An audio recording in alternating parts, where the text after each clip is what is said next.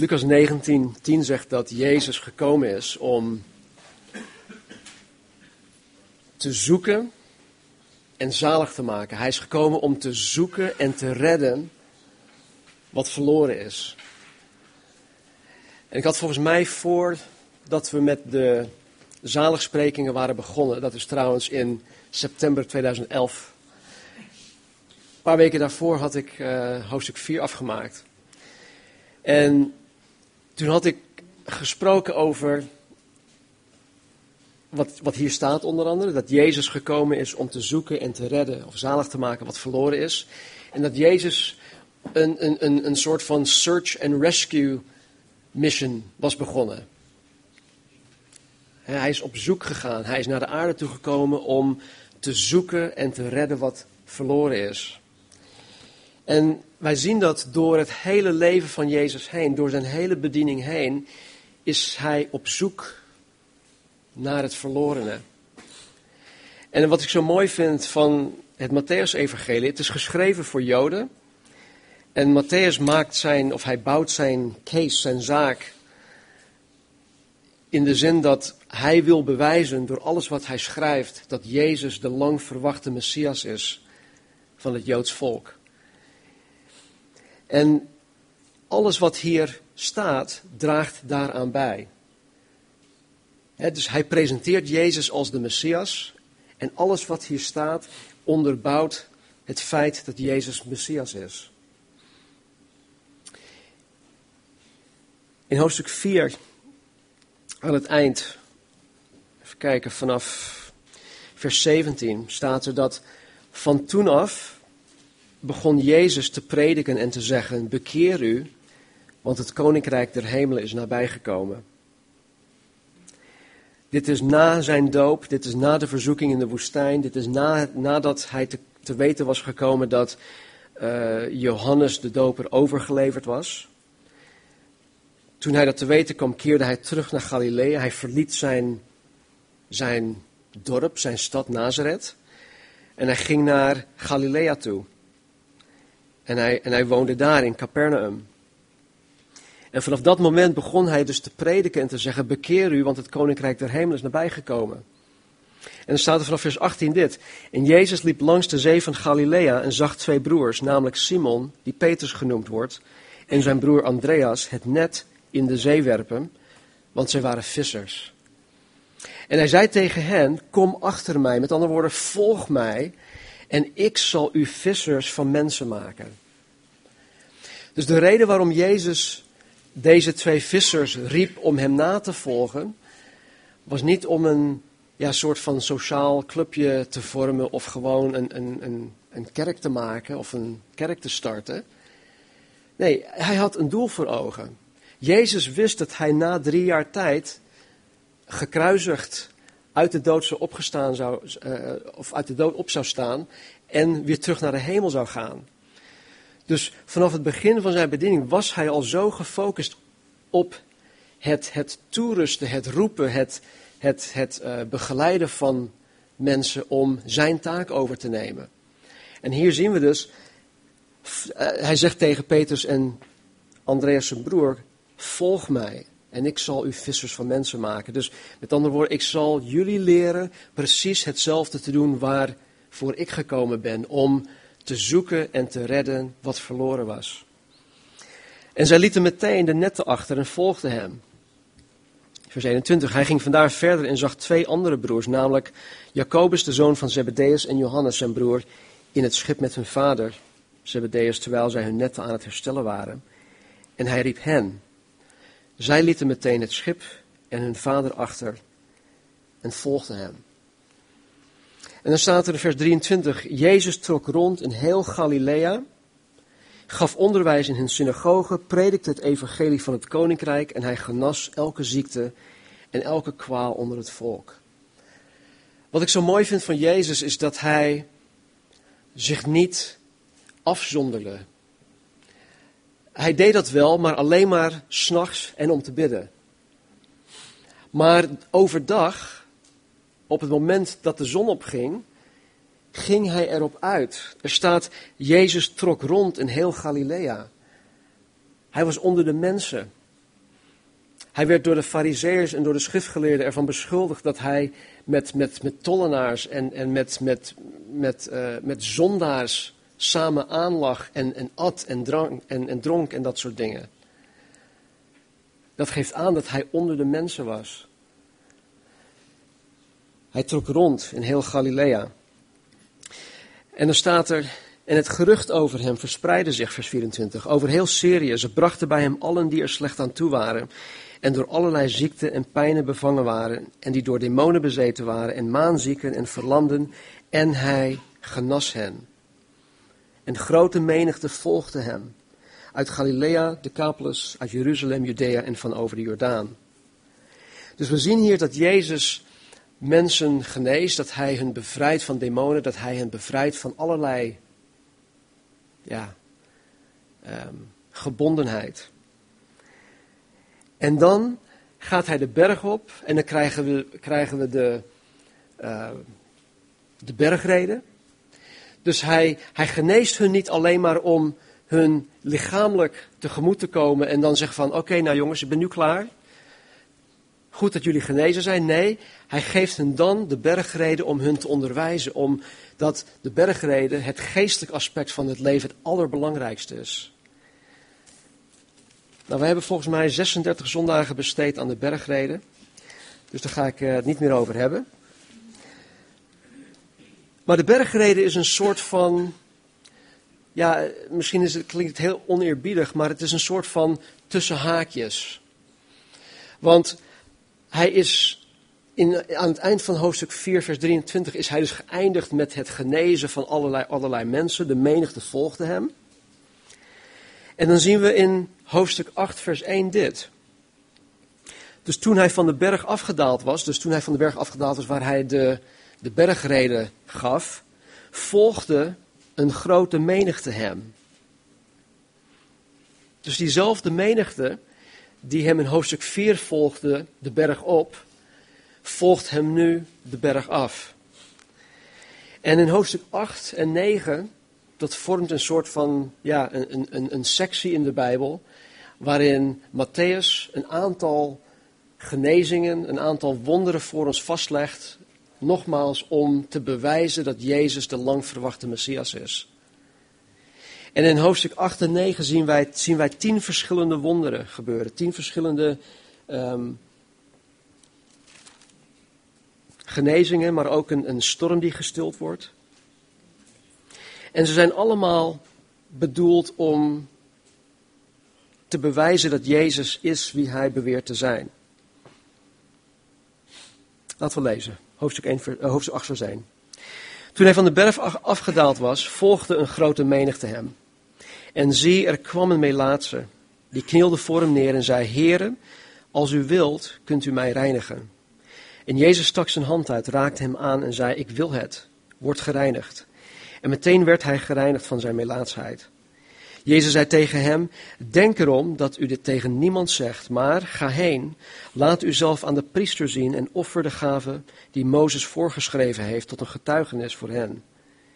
Toen Jezus Capernaum binnengegaan was, kwam er een hoofdman over honderd naar hem toe, die hem smeekte: Heere, mijn knecht ligt verlamd thuis en lijdt hevige pijn. En Jezus zei tegen hem: Ik zal komen en hem genezen. De hoofdman antwoordde en zei: Heer, ik ben het niet waard dat u onder mijn dak komt, maar spreek slechts een woord en mijn knecht zal genezen zijn. Want ook ik ben een mens onder het gezag van anderen en heb zelf soldaten onder mij. Ik zeg tegen de een ga en hij gaat, en tegen de ander kom en hij komt, en tegen mijn slaaf doe dat en hij doet het. Toen Jezus dit hoorde, verwonderde hij zich en zei tegen hen die hem volgden: Voorwaar, ik zeg u, ik heb zelfs in Israël zo'n groot geloof niet gevonden.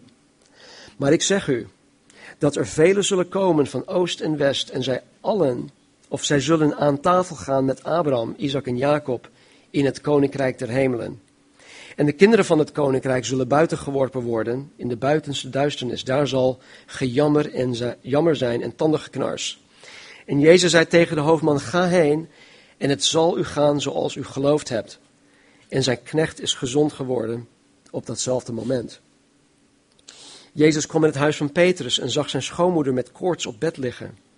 Hij raakte haar hand aan en de koorts verliet haar. En ze stond op en diende hen. Toen het nu avond geworden was, brachten ze velen die door demonen bezeten waren bij hem. Hij dreef de boze geesten uit met een enkel woord. En hij genas allen die er slecht aan toe waren. Zodat vervuld werd wat er gesproken werd door de profeet Jesaja toen hij zei, hij heeft onze zwakheden op zich genomen en onze ziekten gedragen. Toen Jezus een grote menigte om zich heen zag, gaf hij bevel naar de overkant te varen. En er kwam een schriftgeleerde naar hem toe en zei tegen hem: Meester, ik zal u volgen, waar u ook heen gaat. En Jezus zei tegen hem: De vossen hebben holen, de vogels in de lucht nesten, maar de zoon des mensen heeft niets waarop hij het hoofd kan neerleggen. Een ander uit zijn discipelen zei tegen hem: Heere, sta mij toe dat ik eerst wegga en mijn vader begraaf. Maar Jezus zei tegen hem: Volg mij en laat de doden, laat de doden hun doden begraven. En toen hij aan boord van het schip gegaan was, volgden zijn discipelen hem. En zie, er ontstond een grote onstuimigheid in de zee, zodat het schip door de golven bedekt werd, maar hij sliep. En zijn discipelen kwamen bij hem, wekten hem en zeiden, Heere, red ons, wij vergaan. En hij zei tegen hen, waarom bent u angstig, kleingelovigen? Toen stond hij op, bestrafte de winden en de zee en er kwam een grote stilte. De mensen verwonderden zich en zeiden, wat voor iemand is dit, dat zelfs de winden en de zee hem gehoorzaam zijn? En toen hij aan de overkant was gekomen in het land van de Gergesenen, kwamen twee mensen die door demonen bezeten waren hem tegemoet. Ze kwamen uit de grafspelonken en waren zeer gevaarlijk, zodat niemand langs die weg voorbij kon gaan. En ze riepen, of en zie, zij riepen, Jezus, Zoon van God, wat hebben wij met u te maken? Bent u hier gekomen om ons te pijnigen voor de tijd? En ver bij hen vandaan was een grote kudde varkens aan het weiden. De demonen smeekten hem, als u ons uitdrijft, sta ons dan toe dat wij in de kudde varkens gaan. En hij zei tegen hen, ga. En ze gingen uit hen weg en trokken in de kudde varkens. En zie, de hele kudde varkens stortten van de steilte af de zeeën. En ze stierven in het water. En zij, die ze weiden, vluchten. En toen zij in de stad gekomen waren, berichtten zij al deze dingen en wat er met de bezetenen gebeurd was. En zie, heel de stad liep uit, Jezus tegemoet. En toen ze hem zagen, smeekten ze hem of hij uit hun gebied wilde vertrekken. Hoofdstuk 9. En nadat hij in het schip gegaan was, voer hij over en kwam in zijn stad. En zie, men bracht een verlamde bij hem, die op een bed lag. En Jezus, die hun geloof zag, zei tegen de verlamde, Zoon, heb goede moed, uw zonden zijn u vergeven. En zie, sommige van de schriftgeleerden zeiden bij zichzelf, deze lastert God. En Jezus, die hun gedachten zag, zei, waarom overweegt u verkeerde dingen in uw hart? Want is het gemakkelijker te zeggen, de zonden zijn u vergeven, of te zeggen, sta op en ga lopen? Maar opdat u zult weten dat de Zoon des Mensen macht heeft op de aarde zonde te vergeven, toen zei hij tegen de verlamde, sta op, neem uw bed op en ga naar uw huis. En hij stond op, ging naar zijn huis. Toen de menigte dit zagen, verwonderden, zich, verwonderden ze zich en verheerlijkte God, die zo'n macht aan de mensen gegeven had. Even kijken. Verder naar, hoofd, naar vers 18.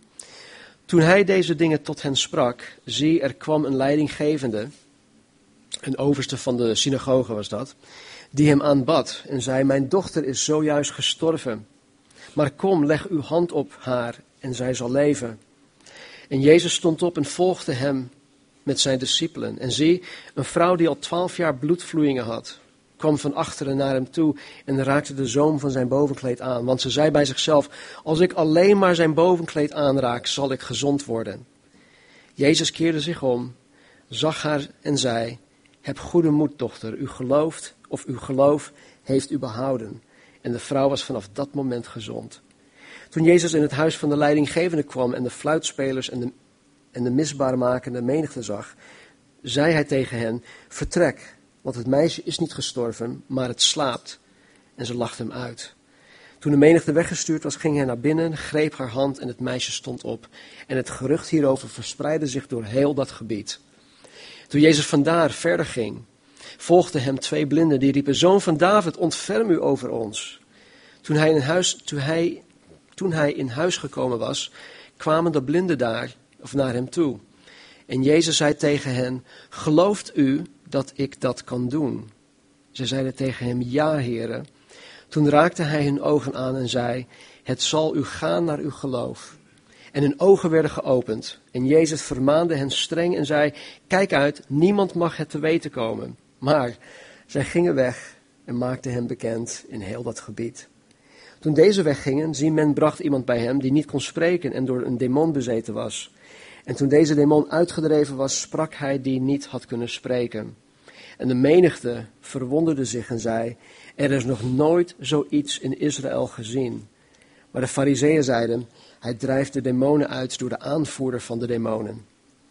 En Jezus trok rond in al de steden en dorpen en gaf onderwijs in hun synagogen. En hij predikte het evangelie van het koninkrijk en genas iedere ziekte en elke kwaal onder het volk. Toen hij de menigte zag, was hij innerlijk met ontferming bewogen over hen, omdat zij vermoeid en verstrooid waren, zoals schapen die geen herder hebben. Toen zei hij tegen zijn discipelen, de oogst is wel groot, maar er zijn weinig, er zijn weinig arbeiders. Bid daarom tot de Heere van de oogst, dat hij arbeiders in zijn oogst uitzendt. Tot zover. Ik zei toch dat we sneller zouden gaan? Krijgen jullie het ook? Ik wil vanmorgen eigenlijk alleen maar een soort van helikopter-overview geven van Matthäus hoofdstuk 8 en 9. Er zijn een aantal dingen die, die belangrijk zijn. Alles is belangrijk, maar een aantal dingen die, die er gewoon uitspringen. Die we nodig hebben om, ja, om, om de rest eh, te, ja, te zien wanneer we, wanneer we er iets, iets dieper op ingaan. Ik uh, hou de vaart er wel in. Dus het is niet zo dat we nu een helikopterview krijgen en dan volgende week drie versen gaan behandelen. Nee, we houden, we houden de vaart er wel in. Maar als, als we dit lezen, hoofdstuk 8 en, uh, 8 en 9, er zijn verschillende mensen genezen. Uh, de eerste zien wij terug in vers 1 tot en met 4. Er staat in vers 2, en zie, er kwam een Melaatse die knielde voor hem neer. Het woord wat hier voor knielen voor hem neer wordt gebruikt is, eigenlijk een vorm van aanbidding. Uh, kan net zo goed uh, staan, en misschien in sommige andere vertalingen staat het ook zo, zo, dat deze Jezus aanbad en zei, Heere, als u wilt, kunt u mij reinigen, kunt u mij genezen. De volgende, in, in vers 5. Er kwam een hoofdman over honderd naar hem toe, die hem smeekte, Heere, mijn knecht ligt verlamd thuis en lijdt hevige pijn. Hij zei vervolgens, Heer, ik ben het niet waard dat u onder mijn dak komt, maar spreek slechts een woord en mijn knecht zal genezen zijn. Uh, Jezus antwoordt daarop, hij zegt, ik, uh, ik zeg u, ik heb zelfs in Israël zo'n groot geloof niet gevonden. En hij zei vervolgens, het zal gaan zoals u geloofd hebt. Vervolgens zien wij in, vanaf vers 14 dat uh, Jezus de schoonmoeder van Petrus geneest. Laten we even naar Lucas hoofdstuk 4 gaan. Lucas legt het ook voor ons vast.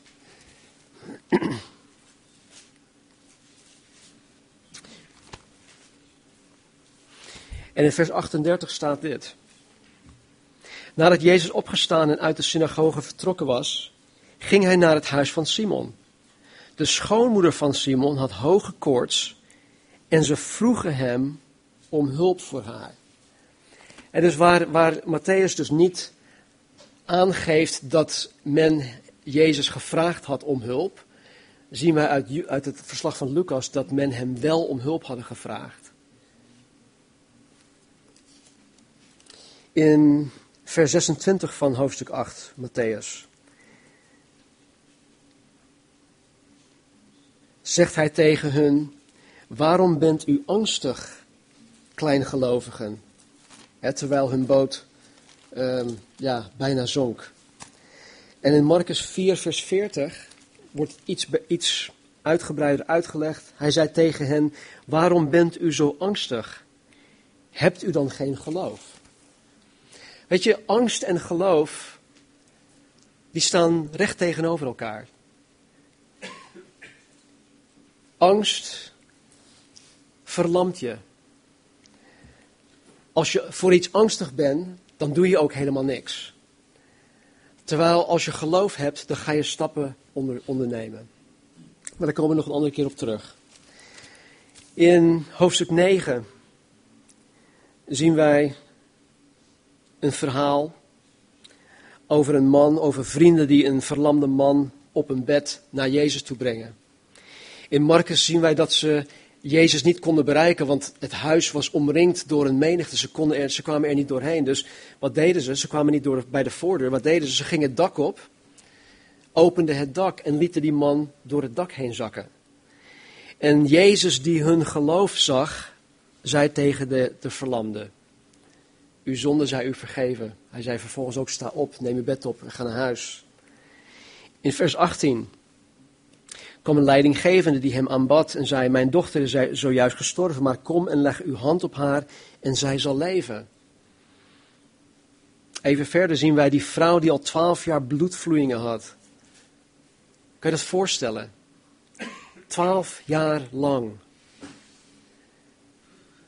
Twaalf jaar lang. Niemand kon haar helpen. Uit de andere evangelie zien we ook dat geen enkele dokter haar kon helpen. En ze zei bij zichzelf: Als ik alleen maar zijn bovenkleed aanraak, zal ik gezond worden. De twee blinden in vers 28. Jezus vraagt hen: Gelooft u dat ik dit kan? En ze zeiden tegen hem: Ja, heren. Met andere woorden, wij geloven. En toen raakte hij hun ogen aan en zei: Het zal u gaan naar uw geloof. En in vers 32 zien wij dat men iemand bij hem bracht die niet kon spreken. Al deze voorbeelden die wij hier hebben, hebben iets gemeen. Wat, wat, wat is dat? Sorry? Actie vanuit de mens, ja. Wat zei je, Rick? Ze hadden geloof. Ja. Geloof en actie. Wat zei ik net over angst? Angst verlamt je. Angst leidt je tot het doen van niets. Ik, ik, ik kan niet, ik durf het niet. Weet je, ik had het van de week over, ehm, tijdens een soort van uh, gesprek met, met een aantal andere voorgangers, hadden we het over het in gesprek gaan met, met mensen over het geloof. En dan heb ik het niet over gewoon evangeliseren zoals wij dat noemen, maar gewoon met mensen in gesprek gaan. En weet je, wij allen, ik, jullie, alle voorgangers die daar waren, we zijn allemaal tot zekere mate bang of angstig om mensen te benaderen, om met mensen een gesprek aan te gaan. Een van die voorgangers zei het zo mooi. Hij zegt, he goes, I'm afraid of anything that moves. Voorganger van een gemeente. Dat is eerlijk. Ik ben ook bang. En we hebben allemaal de angst om op iemand af te stappen die we niet kennen. Of zelfs al kennen we die persoon. al, al leidt God het gesprek tot het evangelie, dan, dan, dan, dan draaien we er zelfs soms omheen. Omdat wij angstig zijn om dat gesprek met mensen aan te gaan. En het leidt niet tot geloof dat God ons wil gebruiken om mensen Gods liefde, Gods redding, het leven aan te kunnen bieden. Dus geloof is, is, is hier, ja, ik zie dat als de rode draad door, door deze twee hoofdstukken heen, is dat de mensen die tot Jezus kwamen, ze hadden geloof. Ze geloofden dat Jezus kon doen wat hij, wat hij zei. En hij maakte het ook waar. En weet je, dit zijn slechts tien voorbeelden van, van wellicht duizenden voorbeelden. De menigte waar, waar, waar, waar, waar Matthäus over schrijft in hoofdstuk 4. Ik, ik zei toen nog, ook nog in 2011, dat het, het, het, de, de, de Bijbelleraren, de Bijbelcommentatoren, die, die zeggen dat, dat, dat het zelfs misschien wel 20.000 mensen waren die hem volgden. Jezus was echt heel druk bezig. als jullie denken dat jullie een druk bestaan hebben, en ik begrijp, ik begrijp, ik begrijp dat wij geleefd worden soms. Maar Jezus had het echt druk. Geloof. Ik vond het ook vond ik mooi wat, wat, wat, wat Gerry zei. Actie vanuit de mens zelf. Mensen die, die, die namen stappen. Actie. Ze gingen naar hem toe. En wat, wat, wat, wat denk ik hier is, is, is ja, hierin belangrijk is, is niet zozeer uh, het geloof van de mens dat zij genezen kunnen worden. Want dat is heel belangrijk.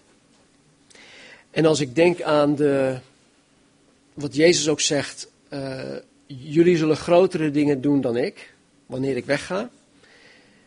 En dan denken wij meteen van, oh, nou als Jezus een blinde heeft genezen, nou dan moet ik wel grotere dingen gaan doen. Maar ik geloof niet dat dat de bedoeling is. Als ik dit zo lees, dan, dan ben ik de melaatse. Dan ben ik de blinde. Dan ben ik de, degene die niet kan spreken, de doofstomme. Dan, ik, dan ben ik degene die angstig ben en kleingelovig. En denkende dat, dat, we, dat de boot gaat zinken. We gaan er volgende week iets verder op in, maar weten jullie wat melaatsheid is? Uh, er zijn heel veel argumenten tegenwoordig en deze zeggen dat nou de melaatsheid van de Bijbel is niet te vergelijken met wat vandaag de dag uh, de ziekte van Hansen wordt genoemd, uh, leprosy of dat soort dingen. Maar daar is geen bewijs van. Maar melaatsheid is niet zo dat, dat, je, dat je vingers eraf vallen of dat je, hè, dat je, dat je vlees er zomaar afvalt. En, nee, het is voornamelijk een, een ziekte wat je, je zenuwstelsel aantast en wat je gevoelloos maakt. Waardoor je vingers kan verliezen wegens infectie. Want je hebt het totaal niet door dat je een, een, een, een, in, in, een, hoe heet dat, in een verroeste uh, spijker je vinger hebt geprikt. En het is een heel mooi voorbeeld van hoe uh, zonde ons ook gevoelloos maakt. Voor het werk van de Heilige Geest, voor de stem van God door zijn woord heen. En Melaatse is gewoon gevoelloos geworden voor alles wat hem kwaad kan doen. En zonde is eigenlijk hetzelfde. Dus als ik dit lees, denk ik niet van, oh Heer, moeten wij nu Melaatse gaan reinigen? Moet ik nou als voorganger zijn, als christen zijnde nu uh, de blinden doen uh, zien? Moet ik nu uh, doden uit de, de, de, dood doen opstaan? Moet ik al deze dingen? Nee, ik zie het meer als, oh Heer, ik ben die Melaatse, ik ben de blinde. Hoe vaak zie ik het niet, Heer? Hoe, hoeveel blinde vlekken heb ik niet in mijn leven? Hoe vaak ben ik niet kleingelovig?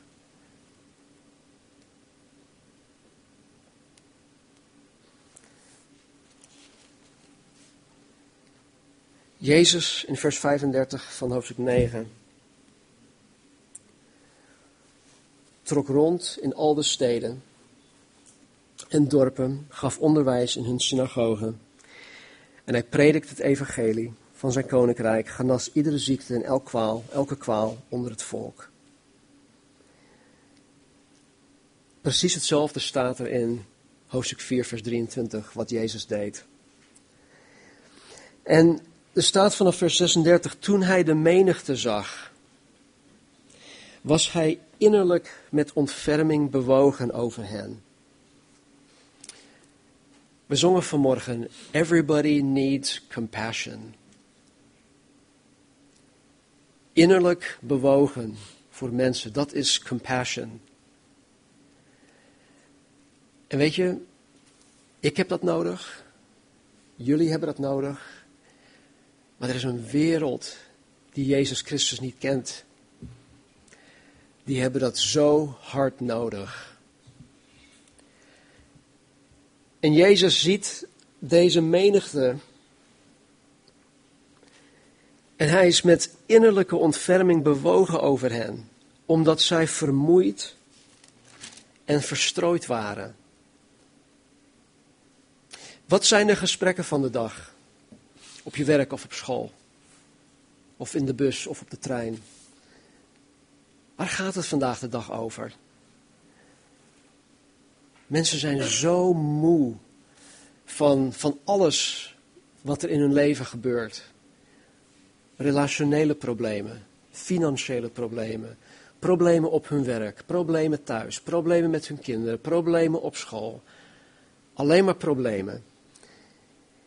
In de zakenwereld zijn er allerlei problemen, maar daar wordt het vermomd. Hè, dus, nee, het zijn geen problemen, het zijn uitdagingen. Hmm. Maar weet je, de, de gesprekken van de dag, als je goed luistert naar wat mensen zeggen, als je goed luistert naar waar, waar, mensen over klagen. Joh, iedereen om ons heen klaagt over iets. Mensen zijn vermoeid. Ze hebben het helemaal gehad met heel veel verschillende dingen. En ze zijn verstrooid. Zoals schapen die geen herder hebben. Zo ziet Jezus Christus de wereld waarin wij leven. Weet je, het, het, het, het voorbeeld van een, van een schaap of schapen die geen herder hebben, dat is zo indrukwekkend. Door het Oude Testament heen, vooral Jeremia en Ezekiel, zien we voorbeelden van hoe God Israël zag, hè, als, als schapen zonder herder. En dan zegt hij, maar ik zal een herder doen opstaan, ik zal hen een herder geven. Een herder is, is, is iemand die de schapen voedt. Hij zorgt dat de schapen te eten krijgen, dat de schapen gezond voedsel krijgen, dat de schapen gewijd worden, dat hij voor de schapen zorgt. Dat er iemand is waar de schapen naartoe kunnen kijken. Waar ze naartoe kunnen vluchten. En als, als er een schaap is die geen herder heeft, dan is hij aan zijn lot overgelaten.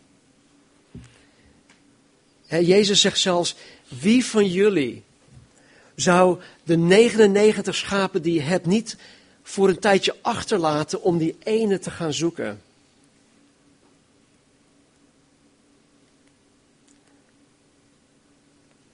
Hij was innerlijk met ontferming bewogen over hen, want ze waren zoals schapen die geen herder hebben. En met, met dat voor ogen, met die menigte die hij daar dus aankeek, waarover hij met innerlijke ontferming bewogen was, keek hij op een gegeven moment zijn discipelen aan. En hij zei, de oogst is groot, of is wel groot, maar er zijn weinig arbeiders. Bid daarom tot de Heere van de oogst dat hij arbeiders in zijn oogst uitzendt.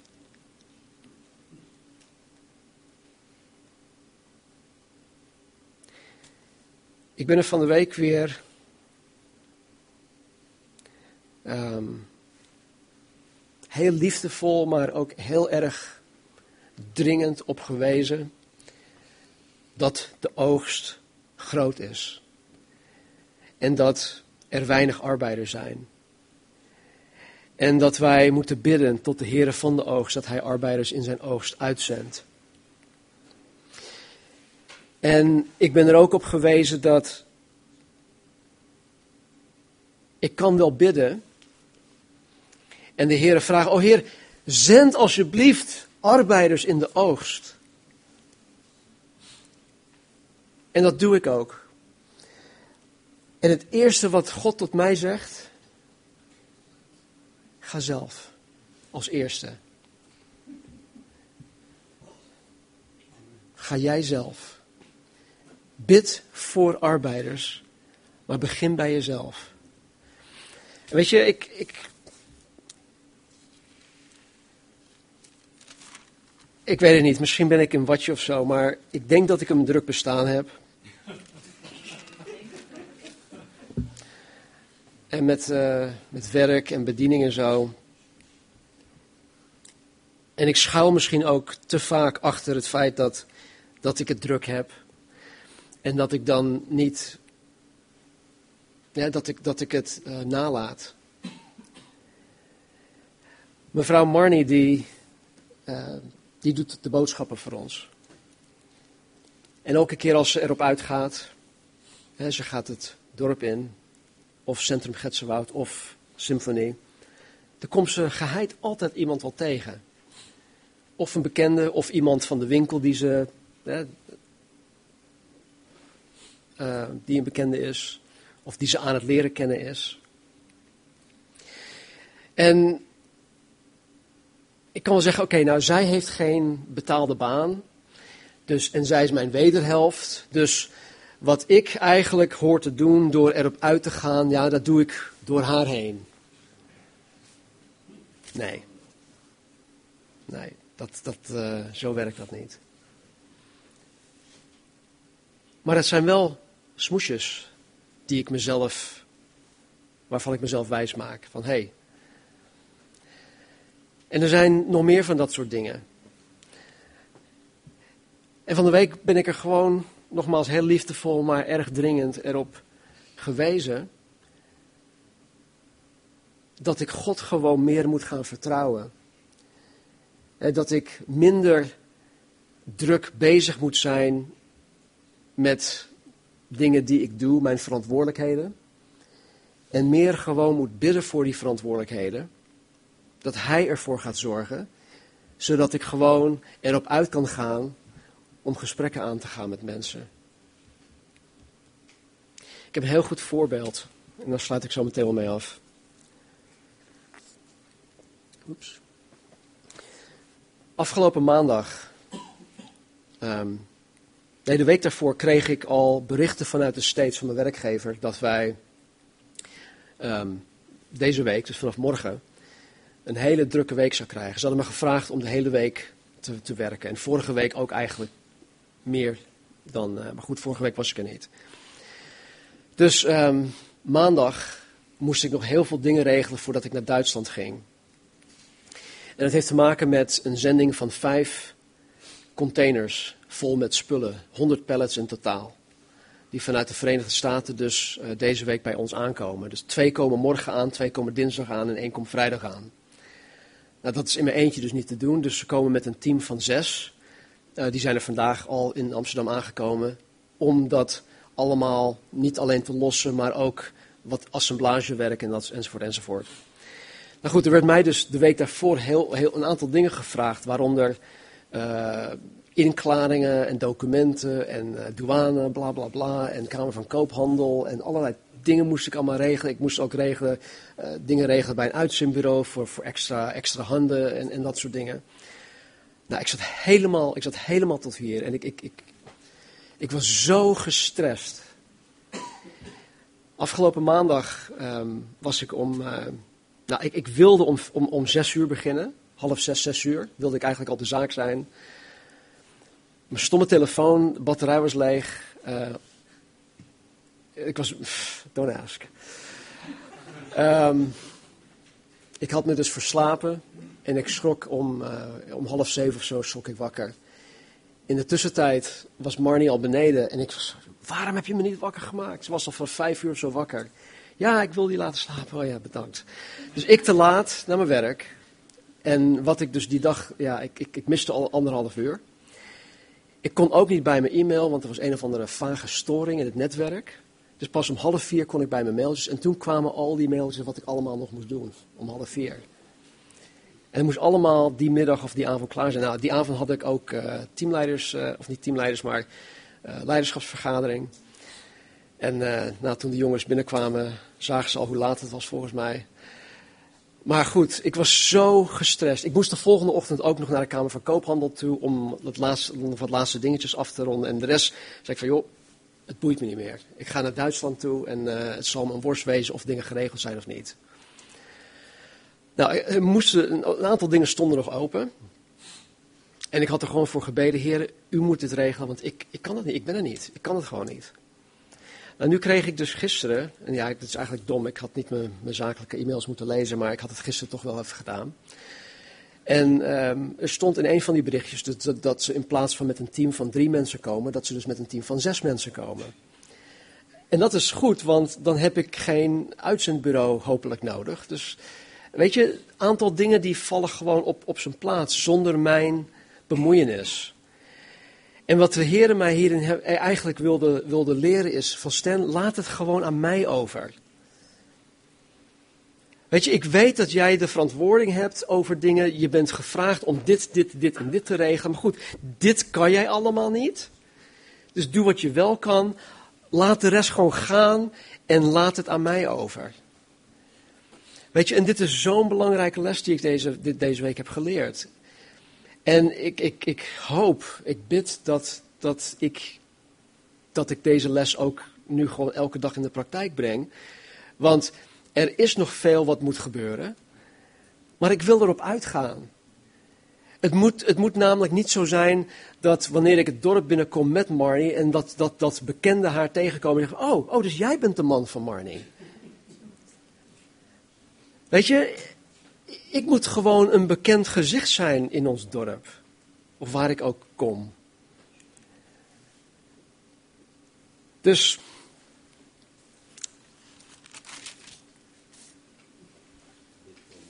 Ja, bid voor me sowieso. Maar de vraag is. In al deze voorbeelden van hoofdstuk 8 en 9 kwamen ze met een bepaald geloof en ze kwamen tot actie. Ze, ze, of ze kwamen zelf bij Jezus, of ze brachten iemand bij Jezus. Nou, de vraag is dit. Geloven wij wel dat de oogst groot is? Geloven wij dat? Echt? Of denken wij van nee joh, maar ja, er zijn zoveel atheïsten, ze willen er niks van weten. Of uh, ja, uh, er zijn, mensen willen dat gewoon niet meer.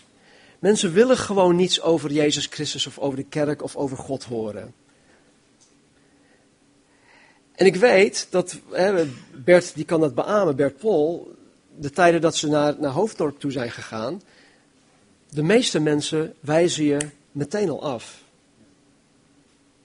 Maar dat wil niet zeggen dat de oogst niet groot is. Jezus zegt het, de oogst is groot. Geloven wij dat? Geloof ik dat? En als ik dat geloof, wat doe ik er zelf aan? Want geloof brengt je toch tot actie. En ik geloof dat ik hierin heel veel dingen heb nagelaten. Ook jegens de gemeente.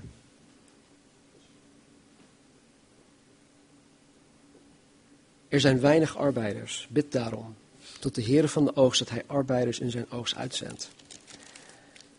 Geloof, actie, erop uitgaan. Dat houdt mij in ieder geval wel bezig. Laten we bidden.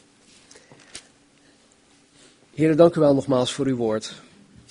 Dat u zo zorgvuldig en zo nauwkeurig, Heer, al deze voorbeelden voor ons hebt vastgelegd. En Heer, ik dank u voor Matthäus, die u hebt geïnspireerd door uw geest, Heer, om dit vast te leggen voor ons. Dat hij deze voorbeelden aan ons geeft, Heer. Aan de ene kant om ons te laten zien dat mensen echt geloofden in Jezus Christus en in zijn kracht en macht en wat Jezus daadwerkelijk allemaal kan. Niets is onmogelijk voor u. Met dat geloof kwamen zij tot Jezus. Niets is voor Jezus onmogelijk. Maar heren, wij hebben, wij hebben dat soort geloof niet. En ik vond het ook zo mooi dat, dat een van de sprekers afgelopen week, heren, zei dat, dat veel christenen eigenlijk christelijke atheïsten zijn. Want heren, we, we beleiden wel met ons mond en met ons verstand dat wij geloven en dat wij geloven dat u allemaal dingen kan doen, dat niets voor u onmogelijk is. Maar heren, in de praktijk doen wij het toch anders. Doe ik het anders. Dus heren, help mij, Heer. Help ons als gemeente. Elk individu. Geef ons het geloof. Heren, neem ook alstublieft de angst van ons weg. Help ons, Heer, om, om, om, ons, om over onze angst heen te stappen. Help ons te bidden, Heer, voor de arbeiders. En terwijl wij bidden, Heer, spreek tot ons en beweeg ons om bij onszelf te beginnen. Zoals wij, zoals u, Jezus, met innerlijke ontferming bewogen zullen zijn. Heer, voor de menigte om ons heen, die als schapen zijn zonder een herder. Dank u wel, Heer, dat u ons gevonden hebt. U, Heer, die gekomen is om te zoeken en te redden alles wat verloren is. Heer, u hebt ons gezocht en u hebt ons gevonden. Nu, Heer, help ons om uw missie, Heer, te volbrengen. Door zelf ook vissers van mensen te worden. Door zelf ook eh, een search and rescue team te zijn. Om zelf ook op zoek te gaan naar deze grote oogst, Heer, waarover u spreekt. Om op zoek te gaan naar de verlorenen. Om hen aan u voor te stellen. Want er zijn zoveel mensen, heren, in onze nabije omgeving die uw innerlijke ontferming nodig hebben. Dus heren, enerzijds bidden we dat wij bewogen zijn. We bidden dat wij tot actie gebracht worden. We bidden dat wij um, uw hart hierin zullen krijgen. Anderzijds, heren, bidden we ook dat u dit soort mensen op ons pad zal brengen. Werk alstublieft, Vader, aan beide kanten. Heer, opdat onze tijd die wij hieraan zullen gaan besteden, effectief zal zijn. Zegen ons, Heer. En leid ons. Beweeg ons. Vervul ons, Vader, met uw geest. Uw heilige geest. Dezelfde geest waarmee u Jezus Christus uit de dood hebt opgewekt. Vervul ons met die geest. En help ons, Heer, om vandaag en morgen en deze week in opstandingskracht te gaan leven. Er is geen andere God, Heer, dan u. En ik dank u dat wij u mogen kennen. In Jezus' naam. Amen.